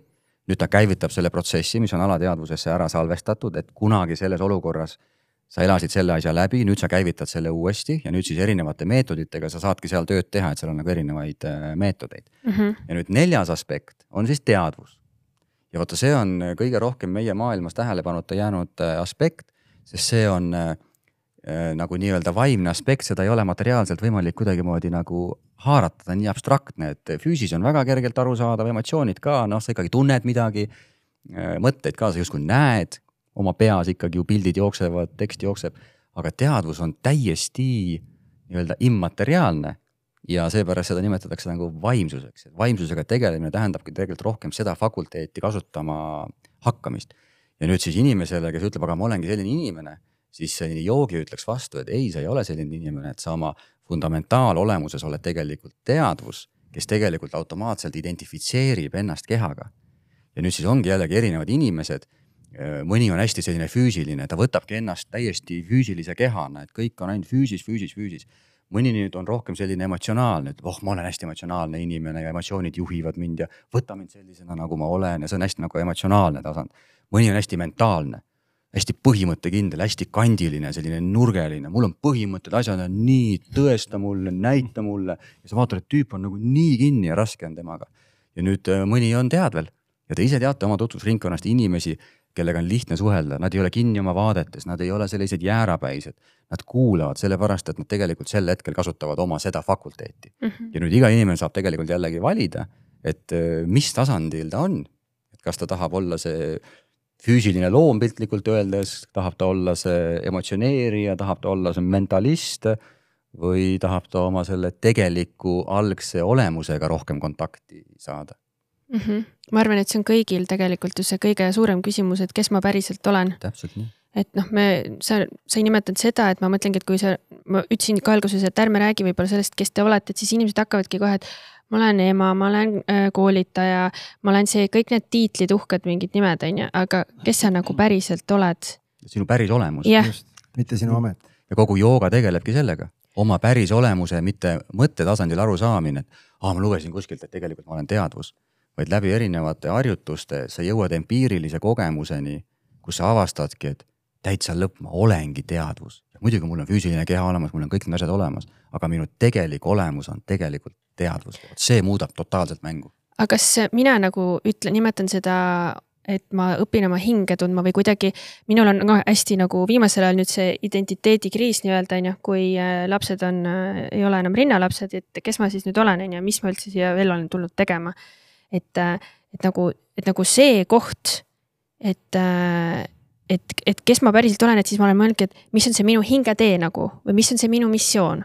Et kas see on see põhimõtteliselt seesama asi, mis sa räägid, et ma nagu tahan teada hingena, kes ma olen, mitte selle Heidina, mitte selle emana või kes iganes mingid tiitlid, vaid et mis ma nagu päriselt olen, et kas seda võib nagu noh, kas ma olen nagu saanud nagu umbes samamoodi aru siis või? Ma ütleks, et see on mõnes mõttes veel lihtsam, sellepärast et kui sa asendad Heidi idee hingeteega, siis sa asendad tegelikult ühe idee teise ideega. ehk siis sa oled kuskilt vaimsest raamatust nagu võtnud selle aluseks, et igal hingel on mingi oma tee ja nüüd sa mm -hmm. seal mentaalsel tasandil, mõttetasandil äh, püüad leida sellele mingisuguse tee, aga tegelik mm -hmm. vastus on veel lihtsam. ma küsiks su käest, et kellena sa ennast koged sel hetkel, kui sa endast ei mõtle ei sellest hingest ega Heidist, proovi praegu kohe järele, kuidas sa koged ennast? ma ei tea, ma lihtsalt olen. täpselt nii ongi ehk siis, kui sa vaigistad oma selle mentaalse aparaadi mm -hmm. ja ei kasuta enesemääratluseks ühtegi mõttelist silti, siis sinu reaalne empiiriline isiklik kogemus ongi see, et sinu olemasolu ei kao ära ja see olemasolu ongi sinu teadvus. ja nüüd algul see tundub hästi õhkõrn ja abstraktne, aga kui sa hakkad seda harjutama, siis sa avastad, et sa muudkui kinnistud, kinnistud, kinnistud, sa saad kasutada neid mõtteid, saad kasutada emotsioone, saad kasutada oma füüsist, aga sinu turvasadamaks muutubki see kogemus, aga ma olen ja sa hakkad sinna kinnistuma ja see on sinu kõige turvalisem paik. ja mitte ükski väline asi ei saa sind enam niimoodi mõjutada, nagu ta kunagi mõjutas, sest et sa olid näiteks oma selles, oma heidiloos kinni, sa olid hingeloos kinni ja kõik nagu väline võis seda ohustada. aga sinu olemasolu ei saa ohustada mitte miski. jaa ma lihtsalt istun siin ja ma lihtsalt kuulan ja ahmin, ma lihtsalt võikski lasta rääkima jääda, sellepärast et üks asi, mida ma Kaido sinu juures olen alati imetlenud, on, on oskus rääkida nii keerulistest asjadest nii lihtsalt. noh, kõik needsamad, see, see nagu need erinevad astmed ja, ja kõik see pool ja see on nagu, see aitab nii palju paremini mingeid asju lahti mõtestada, et, et, et ma tahan seda saadet rahulikult järgi kuulata, sest praegu ma pean ikkagi mõtlema selle peale ka kuhu me selle vestlusega tüürime ja mida ma tahan küsida ja kõik need asjad. peaks nagu... selle joonise kaasa panema saatega. et nagu, aga see on nagu mega, mega oskus lihtsalt nagu nii lihtsalt neid asju selgitada. Aitäh, seda on hea kuulda ja ma arvan, et see on tegelikult seotud sellega, et äh, kõik need viisteist aastat ma ei ole üritanud midagi endale nagu mentaalsel tasandil selgeks teha, vaid ma räägin ainult asjadest, mida ma empiriliselt äh, kogen.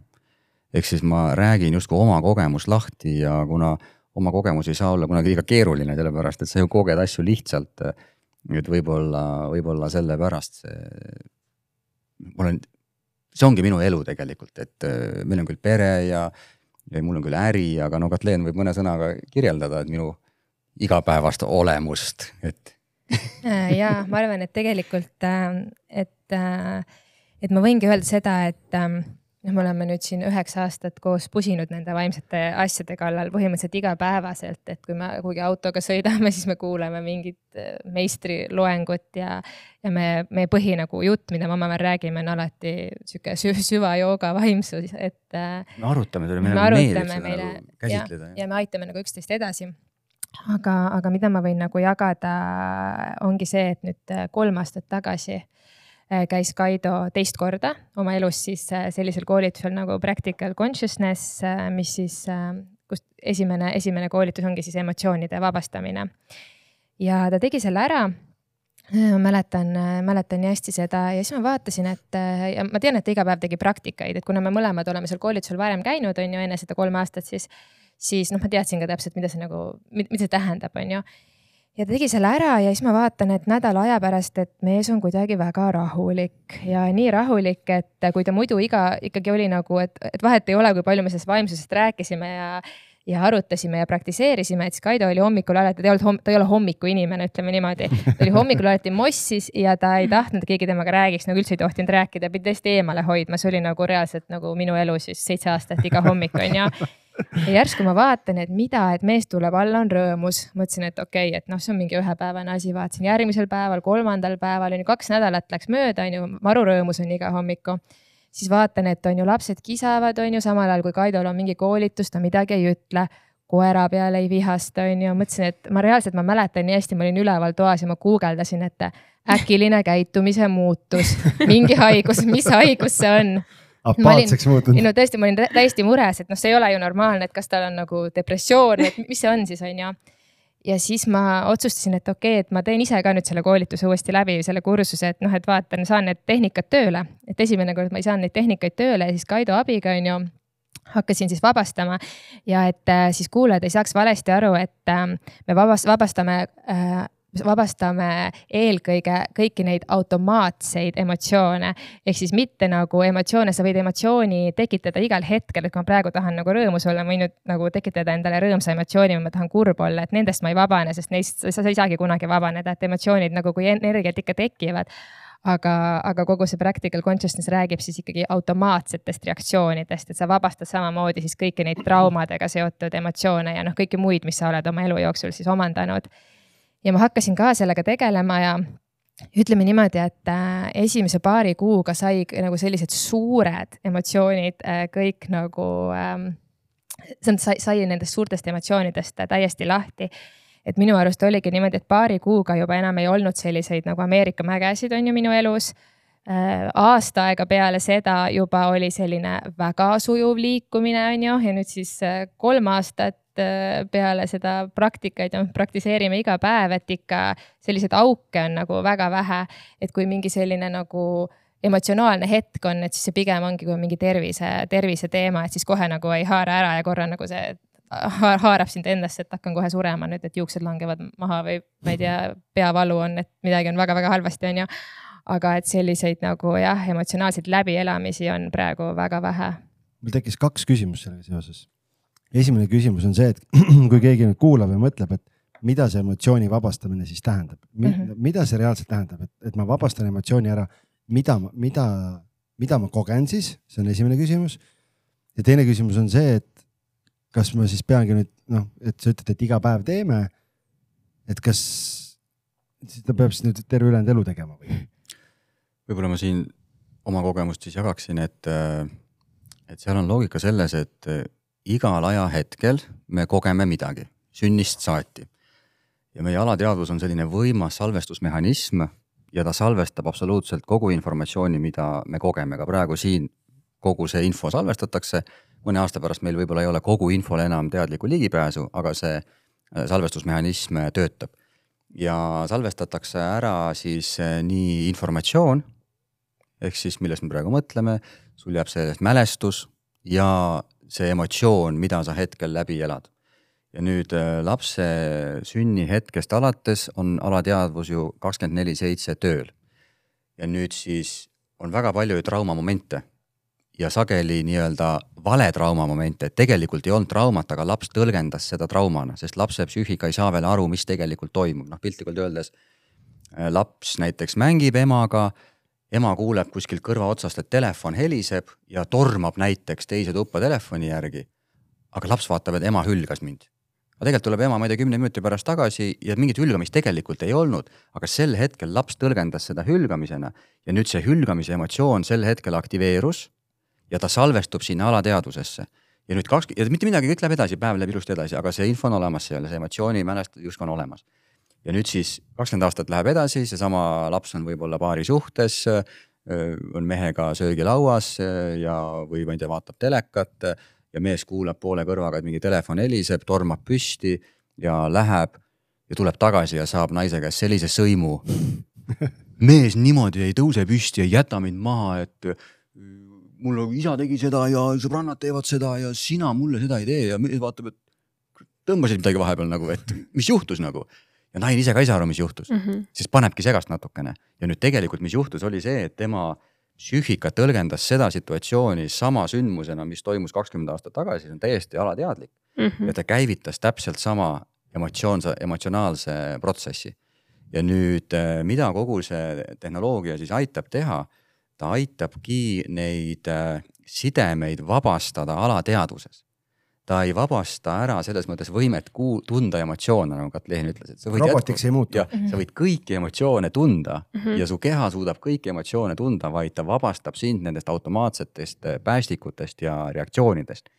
ja kuidas see nagu, küsid, kuidas see praktikas on, see on praktikas umbes niimoodi, et äh, mõtle mingi nalja peale näiteks, mis kunagi väga naerma ajas, võib-olla mingi reels või mingisugune, ma ei tea, meem. ma ei tea ühtegi sellist nalja, sellepärast et Heidi minu naljade peale ei naera kunagi. no aga ühesõnaga, et sa saaks aru, et kuidas see toimib ja vaata, te mäletate, et sa esimest korda vaatasid, sa purskasid naerma, see oli nii naljakas mm, -hmm. sinu jaoks see oli naljakas. ja siis sa võib-olla vaatasid seda kakskümmend korda ära, sa ajas naerma ja siis võib-olla natuke aega läheb mööda, keegi selle saadab, sa teed selle sama asja lahti ja täpselt sama info on, aga ta ei tekita enam selle purset, eks yeah.. on ju teada, ehk yeah. siis info on sama, aga ei teki enam seda tunnet mm. -hmm. ja nüüd põhimõtteliselt see tehnoloogia on täpselt sama asi, et äh, aga ta teeb seda sekunditega. ehk siis mingi sündmus näiteks ka praegu, kui sa mõtled mingi asja peale, ma olen täitsa kindel, et näiteks äh, mõtled mingisuguse algise käitumise peale, siis see võib sind trigerdada ja sa võid praegu ennast täiega turri ajada siin kui sa lähed sellesse teemasse sisse ja sa tunned, kuidasmoodi see emotsioon hakkab tegelikult kerima ja see on hästi loomulik, sellepärast et see info on seal alateadvuses olemas.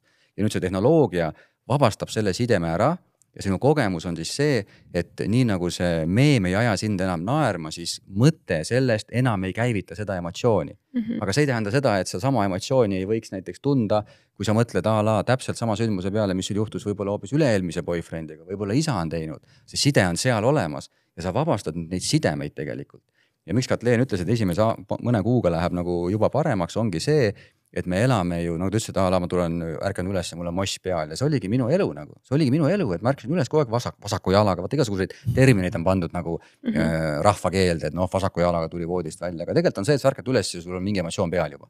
tuled ja nägu on mossis ja tavaliselt siis püüadki seda lihtsalt vaibutada küll kohviga ja mõni läheb trenni ja püüab nagu saada kuidagi päevaga käima.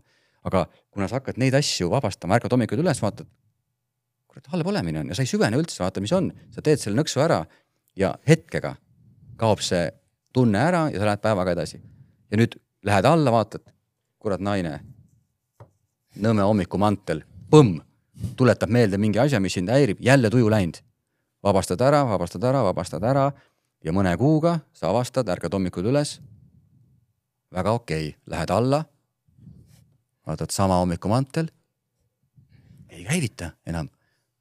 Ehk siis see ei muuda selles mõttes inimese olemust, vaid ta tegelikult vabastab sind nende automaatsete automatismide ja reaktsioonide nagu haardest ja see on täielikult elu muutev äh, süsteem, nii et see kolme aastaga, mis me seda nüüd oleme aktiivselt siin teinud, see on ikkagi totaalselt äh, muutunud. meie konfliktid ongi sellised, nagu ta ennem ütles, ta ei liialdanud, et meie konfliktid on sellised äh, kolme kuni viieminutilised, mis varem olid kolm kuni viis tundi. No mitmepäevased, neid oli väga harva ikkagi mm. -hmm. aga see konflikt käibki niimoodi, et me põrkume, mingi arusaamatus on. me oleme kokku leppinud, et me ei hoia tagasi, me ütleme asju välja täpselt nii, nagu asjad on ja tavaliselt see tüüpiliselt, see käivitaks kohe mingisuguse ju emotsionaalse laviini, aga kuna me oleme need ära vabastanud, siis seda emotsiooni ei ole. me ütleme pumm-pumm-pumm, pumm-pumm-pumm. ja siis, kui kumbki näeb, et a la, et kellelegi lööb emotsiooni üles, ütleb, et mine vabasta oma emotsioon ära, siis räägime edasi, siis ma lähen taha tuppa, vabastan oma emotsiooni ära ja. Ja see on, see on nagu ülivõimas ja selle esimest korda oli tunne, et miks seda koolis ei õpetata, aga näed mm. -hmm aga mis te arvate, et need, räägitakse, et negatiivsed uskumused juhivad meid, et meil kõigil on mingid uskumused, mingid läbivad uskumused ka mineviku sündmustega seoses, et mis tulevadki siis esile ja mis tekitavadki neid emotsioone, näiteks see, et ei ole piisav või mis iganes, et, et kuidas see nagu usk, et, et kui ma nüüd vabastan need emotsioonid ära, kas mul siis ei ole neid uskumusi ka enam või? Need on kaks täiesti erinevat nähtuste gruppi, sellepärast et emotsioon on see, mida sa tunned torsos mm, -hmm. see on emotsioon mm. -hmm ja uskumus ehk siis informatsioon, mentaalsus on see, mida sa näed enda ees. see on mõte siis? see on mõte põhimõtteliselt mm -hmm. jah ja seal süsteemis on olemas ka nii-öelda kontseptsioonide ja uskumuste vabastamise tehnoloogia. aga see on samm kaks, sellepärast et mm -hmm. kuna uskumused on info ja ainult mõte ei tekita sulle probleemi. probleemiks muutub see sinu kogemuslikult siis, kui see mõte käivitab selle ebamugavustunde mm. -hmm. kui sa emotsioonid maha ära saad mm, -hmm. siis nende kontseptsioonidega on aega tegeleda küll, aga jah, seal on see kolmas tase ongi see, et sa hakkad seda mõttemaailma korrastama ja see on, see on nagu teine, teine tehnoloogia, aga kõigepealt ikkagi elu muutev on ikkagi see, kui sa saad oma emotsioonid korda.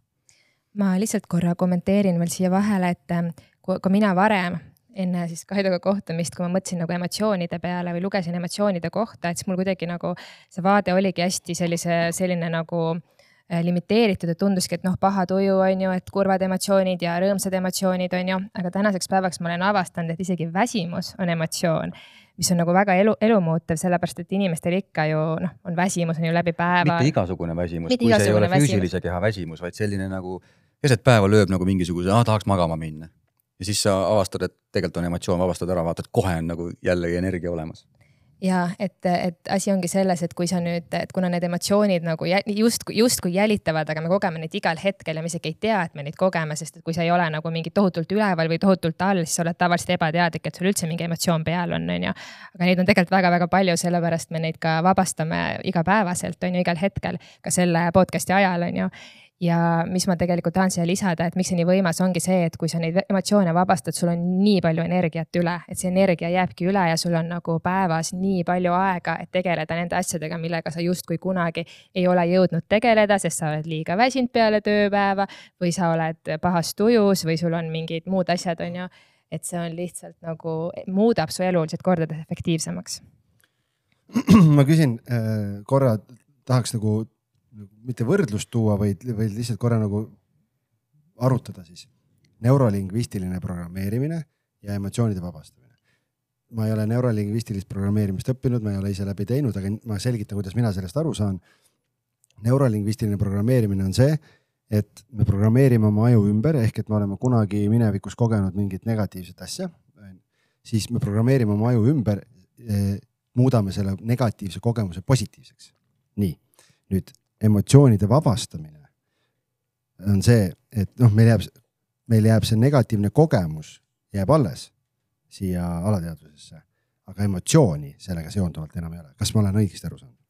põhimõtteliselt jah, NLP tõepoolest on selline süsteemi ümberprogrammeerimise mehhanism, aga kui sa lähed näiteks teraapiasse, siis mida terapeut teeb, olgu see regressiooniteraapia või ükskõik mis, mis teraapia, siis tegelikult ju võtame regressiooniteraapia, kuna me oleme seal käinud ka ja proovinud seda mm, -hmm sind viiakse sellesse sündmusesse tagasi.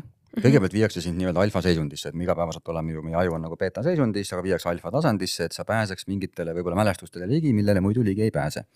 ja nüüd siis sa oled seal terapeudi juures, terapeut viib sind sinna kogemusse ja ta üritab nüüd täpselt samamoodi muuta selle kogemuse ehk mälestuse ära, et sa mäletaksid seda teistmoodi. et see mälestus ei käivitaks seda mehhanismi. Ja nüüd NLP-l on natuke samamoodi, ehk siis ta asendab selle ühe kogemuse teisega, et ei käivituks. mida nüüd see practical consciousness teeb, ta ei ürita midagi nagu seal ringi susserdada, sellepärast et vastasel juhul sa hakkad ju looma endale illusioone, sest et tõenäoliselt see ikka juhtus nagu, see on ju tegelikkus, see tegelikult juhtus. ta ei löönud mind. jah, kui on selline väärmälestus, aga, aga on ju mingid sündmused, mis on päriselt juhtunud. ja nüüd eh, sa mitte ei muuda seda mäle, ei püüa seda infot seal ära muuta, vaid sa lihtsalt vabastad ära selle lingi, mis on selle sündmuse ja toona aktiveerunud emotsiooni eh, vahel. ja see vahe, see vahe on ja igapäevaselt üks hea analoogia, ma isegi ei mäleta, kas ma seda lugesin või ma tulin ise selle peale, sest et noh, väga palju on neid diskussioone olnud, kus küsitakse, et kuidas see nagu töötab. et, et miks ma üldse peaks neid emotsioone vabastama ja sest et väga sageli aetakse ikkagi segi mõte ja emotsioon, see on nagu üks terviklik. Et noh, ma ikkagi mõtlen nende emotsioonide peale, ei, sa ei saa emotsioonide peale mõelda, sest sa mõtled mõtet ja sa saad teadvustada emotsiooni ehk siis tunnet, et emotsioon on see, mida sa tunned enda kehas.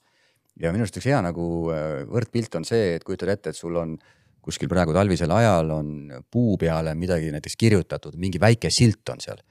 ja sa ei saa nagu väga lähedale minna, sa pead kuskilt nagu viie-kuue meetri pealt seda lugema, aga see on ülioluline, et sa saaks lugeda, see info on väga oluline võib-olla ellujäämisel.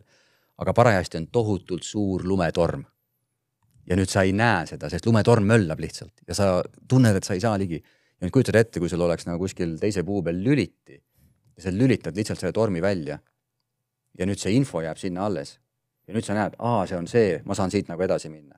ja põhimõtteliselt see on nagu selline süsteem, ehk siis see, mis meid päriselt igapäevaselt nagu häirib ja selle elu ebamugavaks ja raskeks teeb, on need emotsioonid. Nüüd mõni ütleb, et aa, ma pean ikkagi nagu vastutuse võtma ja ma ei taha nagu emotsioone välja lülitada, ei, sa lülitad välja lihtsalt selle tormi. sul jäävad kõik mälestused alles, sul jäävad kõik need sündmused alles ja sa oled palju adekvaatne, palju adekvaatsem, sellepärast kui sa oled liiga emotsionaalne, sa ei suuda üldsegi võib-olla õigeid järeldusi teha, sa ei suuda objektiivselt mingeid asju hinnata. nii et ta võimaldab ka seda traumatööd palju efektiivsemalt äh, teha mm. -hmm. me algisega ju tegelikult oleme ka kursis sellesama tehnikaga, mida te teete. Me ka ise läbisime selle kursuse, üldse ei saanud tööle enda jaoks ja tunduski äh, noh, jälle taaskord, kui sina räägid, see tundub väga loogiline ja lihtne. kuidagi tundus nii keeruline. Ja nüüd äh, lugesime ka selle raamatu läbi, onju. tähendab, algis, algis on veel poole peal, mina lugesin, minul oli eile õhtul viimane lehekülg. Mm. Äh, et nagu teoorias teame, on ju, justkui. Äh, nüüd ma saangi aru, et see on nagu iga asjaga, on ju, et see nõuab pidevalt praktikat, on ju, sest ma olen seda nagu aeg-ajalt äh, noh, juba päris nagu mingi aja vältel aeg-ajalt proovinud teha, mitte kindlasti igapäevaselt kaks korda päevas, on ju. ma küsiks, kas sa oled saanud juba esimese reaalse kogemuse, sest kui sa esimese kogemuse saad, see on nagu selline, et vau wow,, mis just juhtus. väga ei ole vot selles ongi asi.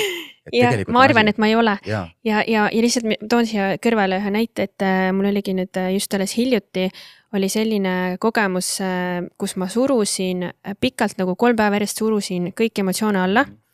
Äh, üritasin olla see tubli tüdruk, sest et ma olin lihtsalt keskkonnas, kus ma pidin olema. kuigi mulle üldse ei meeldinud see keskkond, kus ma olin. ja, ja siis see lõppeski sellega, et mul tekkisid nii tugevad kehalised reaktsioonid, noh, täiesti sihuke paanikahoog, mul ei ole kunagi sihukest asja olnud. et noh, nii paha hakkas igatepidi, onju, ja siis meenutasin seda, onju, tehnikat no mitte midagi ei aidanud, mul läks silmest täitsa mustaks, siis lõpuks sain hingamise tagasi. ja siis, kuidas noh, nüüd ma äh, olen ühel kursusel, on ju, kus me tegeleme närvisüsteemiga, siis mis, kuidas ma üldse tagasi ennast sain, ma hakkasin siis oma närvisüsteemi rahustama, on ju. läbi mingi patsutamiste, noh kehasse tagasi tulemine äh, sisuliselt on ju ja hingamine paika. pilt tuli ette tagasi ja siis ma vaata lasin need emotsioonid kõik välja ehk siis ja ma kogesin neid emotsioone hästi tugevalt, hästi sügavalt äh, läbi nagu taotluslikult äh,. nüüd siis veel mingi paar päeva on ju peale seda, kui see crash käis.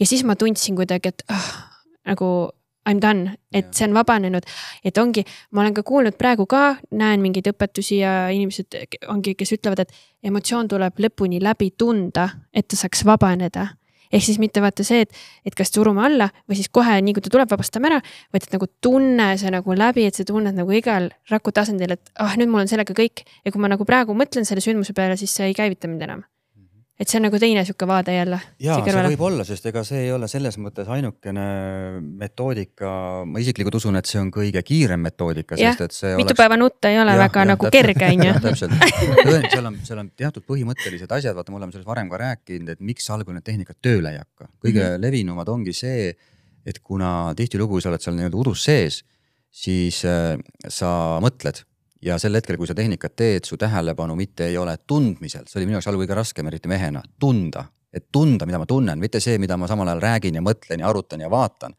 vaid sa tõenäoliselt, kui sa oled udus sees, siis sa ei saa oma tähelepanu lahti sellest nagu story'st, mida sa endale ketrad mm -hmm. ja sa ei suuda viia ennast tundmise kogemusse ja anda sellele tundele tegelikult korraldust.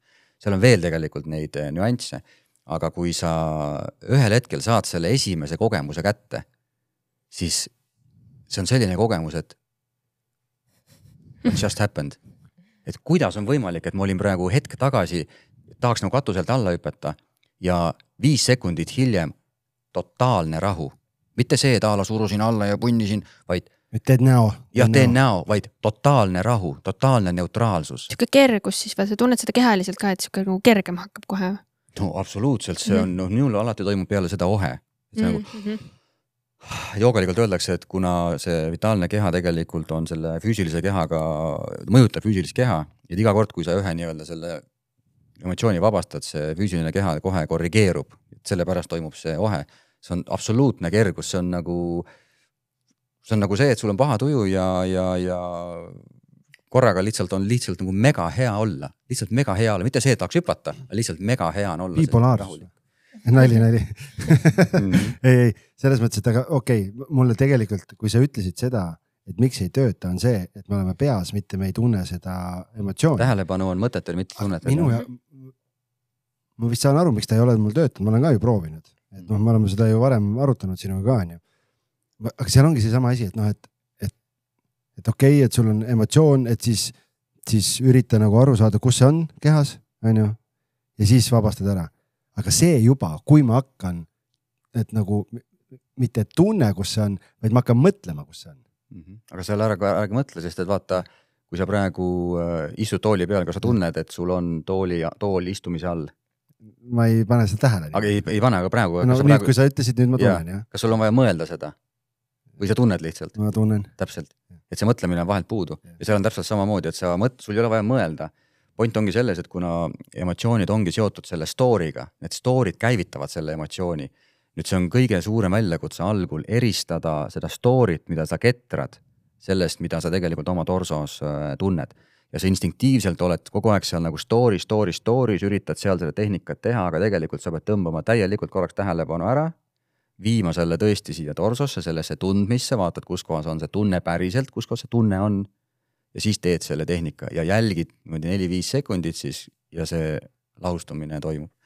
ma olen mitmel tuttaval teinud niimoodi, et me teeme sellise nagu kas Skype'i kõne või mingi Teams'i kõne ja, ja algul on paar korda hea kellegagi koos see läbi teha.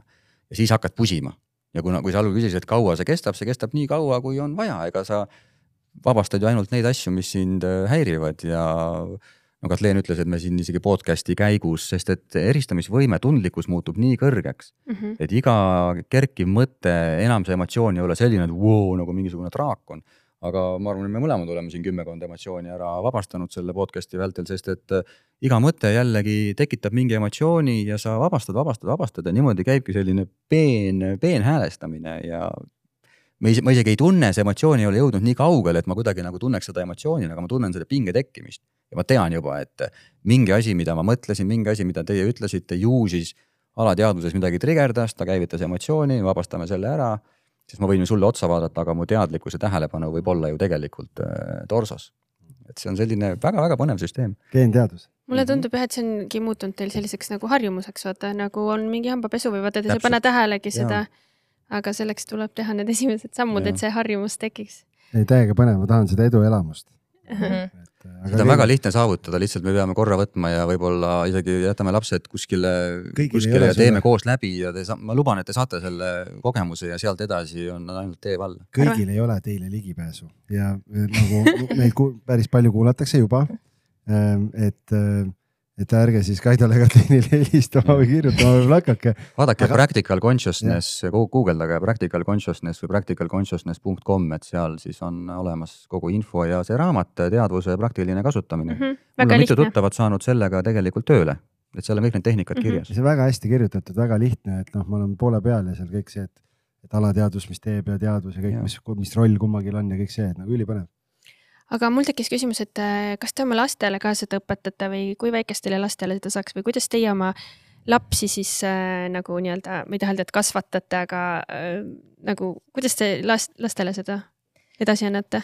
Äh, me kolmeaastasele ei ole seda õpetanud äh, nüüd äh, sellele, kes on viieaastane, tema on nüüd aasta aega saanud siis practical consciousness'i praktikat, praktikat tunda.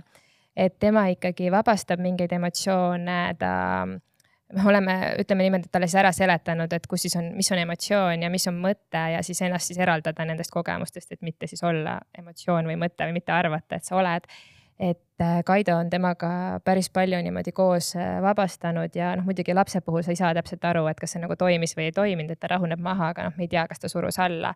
et teil uksed ei paugu kodus pauguvad ikka, aga vaata tema puhul meie eesmärk praegu vist on selles faasis aidata tal aru saada, et mina ei ole emotsioon, nagu ma enne rääkisin mm. -hmm. et mul oli just hea tuju ja nüüd ju midagi juhtus mm, -hmm. õde tegi midagi, emme ütles midagi, issi tegi midagi, nüüd on emotsioon peal ja nüüd tal, tal on vaja hakata aru saama, et vau wow,, et see ei ole mina tegelikult, mina olen see, kes kogeb seda emotsiooni, ma olen see, kes vaatleb, sest et võib-olla kümne minuti pärast on see uuesti läinud.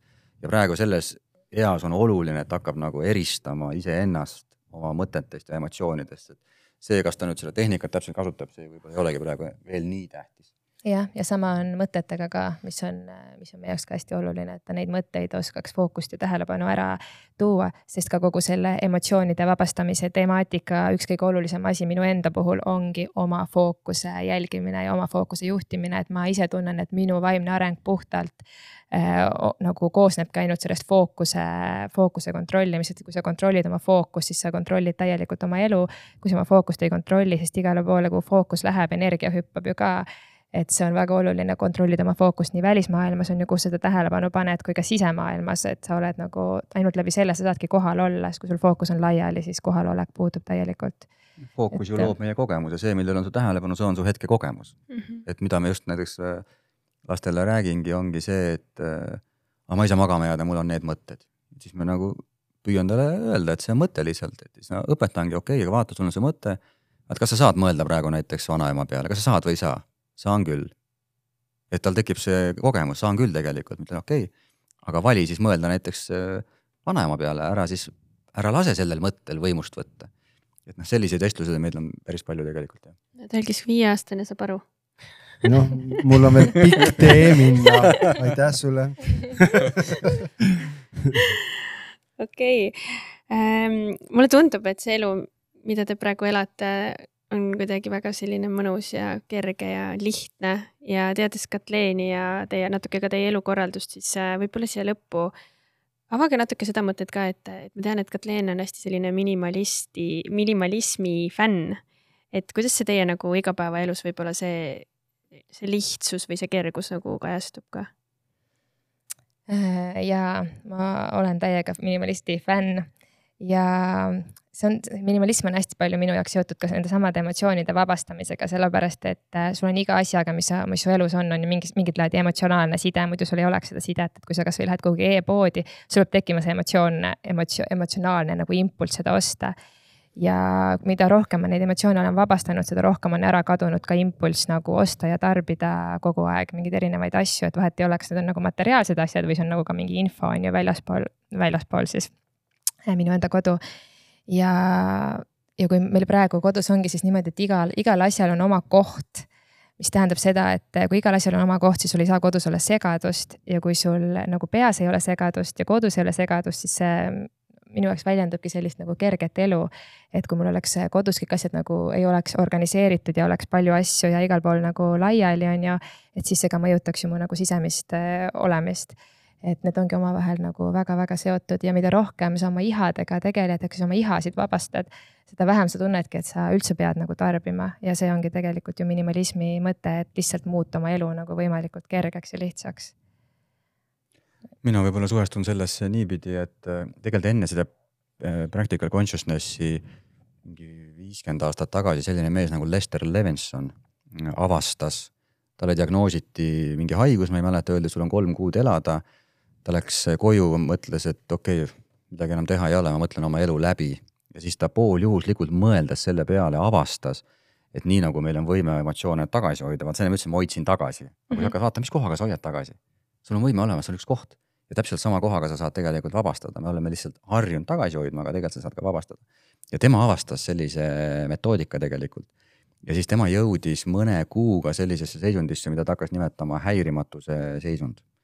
Ja ka meie oma suhtes ja kodused muudatused, mis Katleen teeb, kunagi mind need asjad nagu häirisid, noh trigerdasid ikka, aga ma tahaks ikka nii ja võib-olla see nii ei peaks olema aga kuna ma olen kõik need emotsioonid sealt vahelt ära vabastanud, siis mul on ausalt öeldes suht suva, mida ta teeb, et paneb nii ja ostab selle või müüb selle või selle paneb siia, vaatad. tekib küll mingi arvamus sageli, aga seda emotsionaalset laengut seal taga ei ole ja nii me siis toimetamegi jah.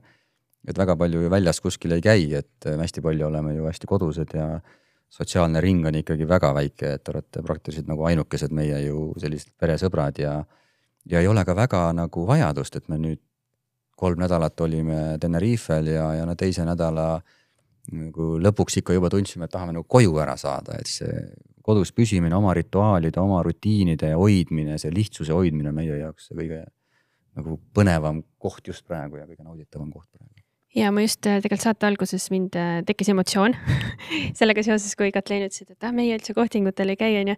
Algisega just rääkisime, et ah, inimesed, te peate minema kohtingule ja kodust välja võtta aega endale teineteisele. aga ma näengi, et siin on hästi, ongi selles hästi suur erinevus, mis elustiili keegi elab, mingi inimene, no paar selles mõttes, et teie elategi sellist elustiili, kus te oletegi hästi palju nagu, te saategi koos aega veeta. Mhm. Aga kui meil ongi see, et äh, me oleme hästi palju eraldi Mm. ja, ja siis meil tekibki see tunne, et me tahaks nagu koos ka midagi näha või teha või kogeda.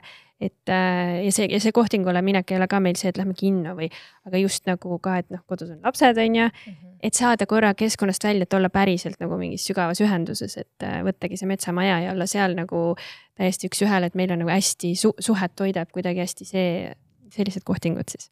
aga see ongi täpselt jälle, kuidas kellelegi ja mis elustiili keegi elab. Meie suhet toidab väga India toit ja Shark Tanki vaatamine. Me just mõtlesime, et me oleme Netflixi ära võtnud ja, jumala hea ja, suhe on nüüd. Et panete ajud kapi peale, jah? okei, kuulge, aeg on armutu nagu alati, et võikski teiega ju vestlema jääda ja, ja jutt jõuab alati kauemaks, aga meil on selline traditsioon saates, et me igal saatekülalisel laseme küsida küsimuse järgmistele külalistele, teadmata, kes järgmised külalised on ja nüüd me, nüüd on see aeg, kus me küsime siis selle küsimuse, mida Agnes Kangur küsis äh, neljandas saates. ja ma tahan, et te mõlemad vastate sellele. ja küsimus on, mida sa vajad, et end suhtes armastatuna tunda?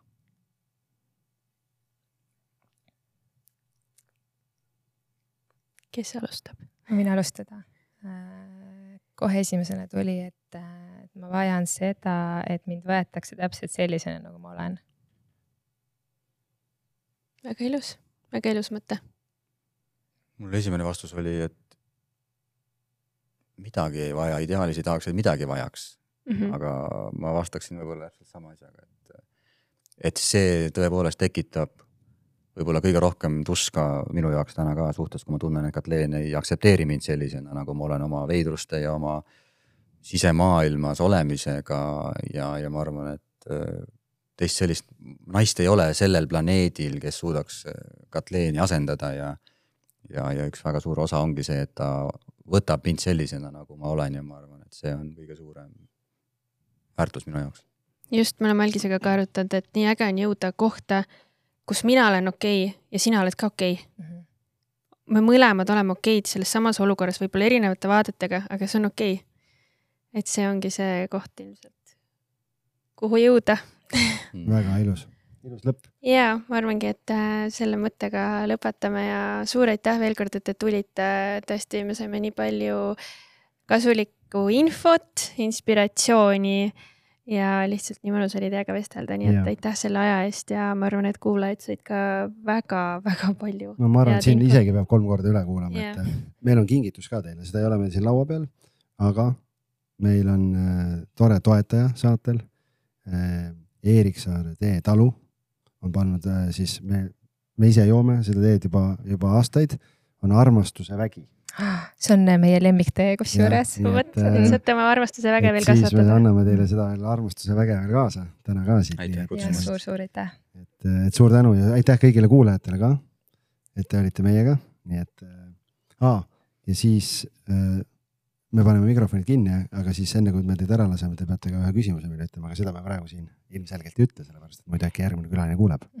jah, ja kes sai midagi põnevat endale, siis alati võite edasi jagada kas Instagramis või siis lihtsalt levitage head sõna ja kohtume juba järgmises saates. tšau. tšau.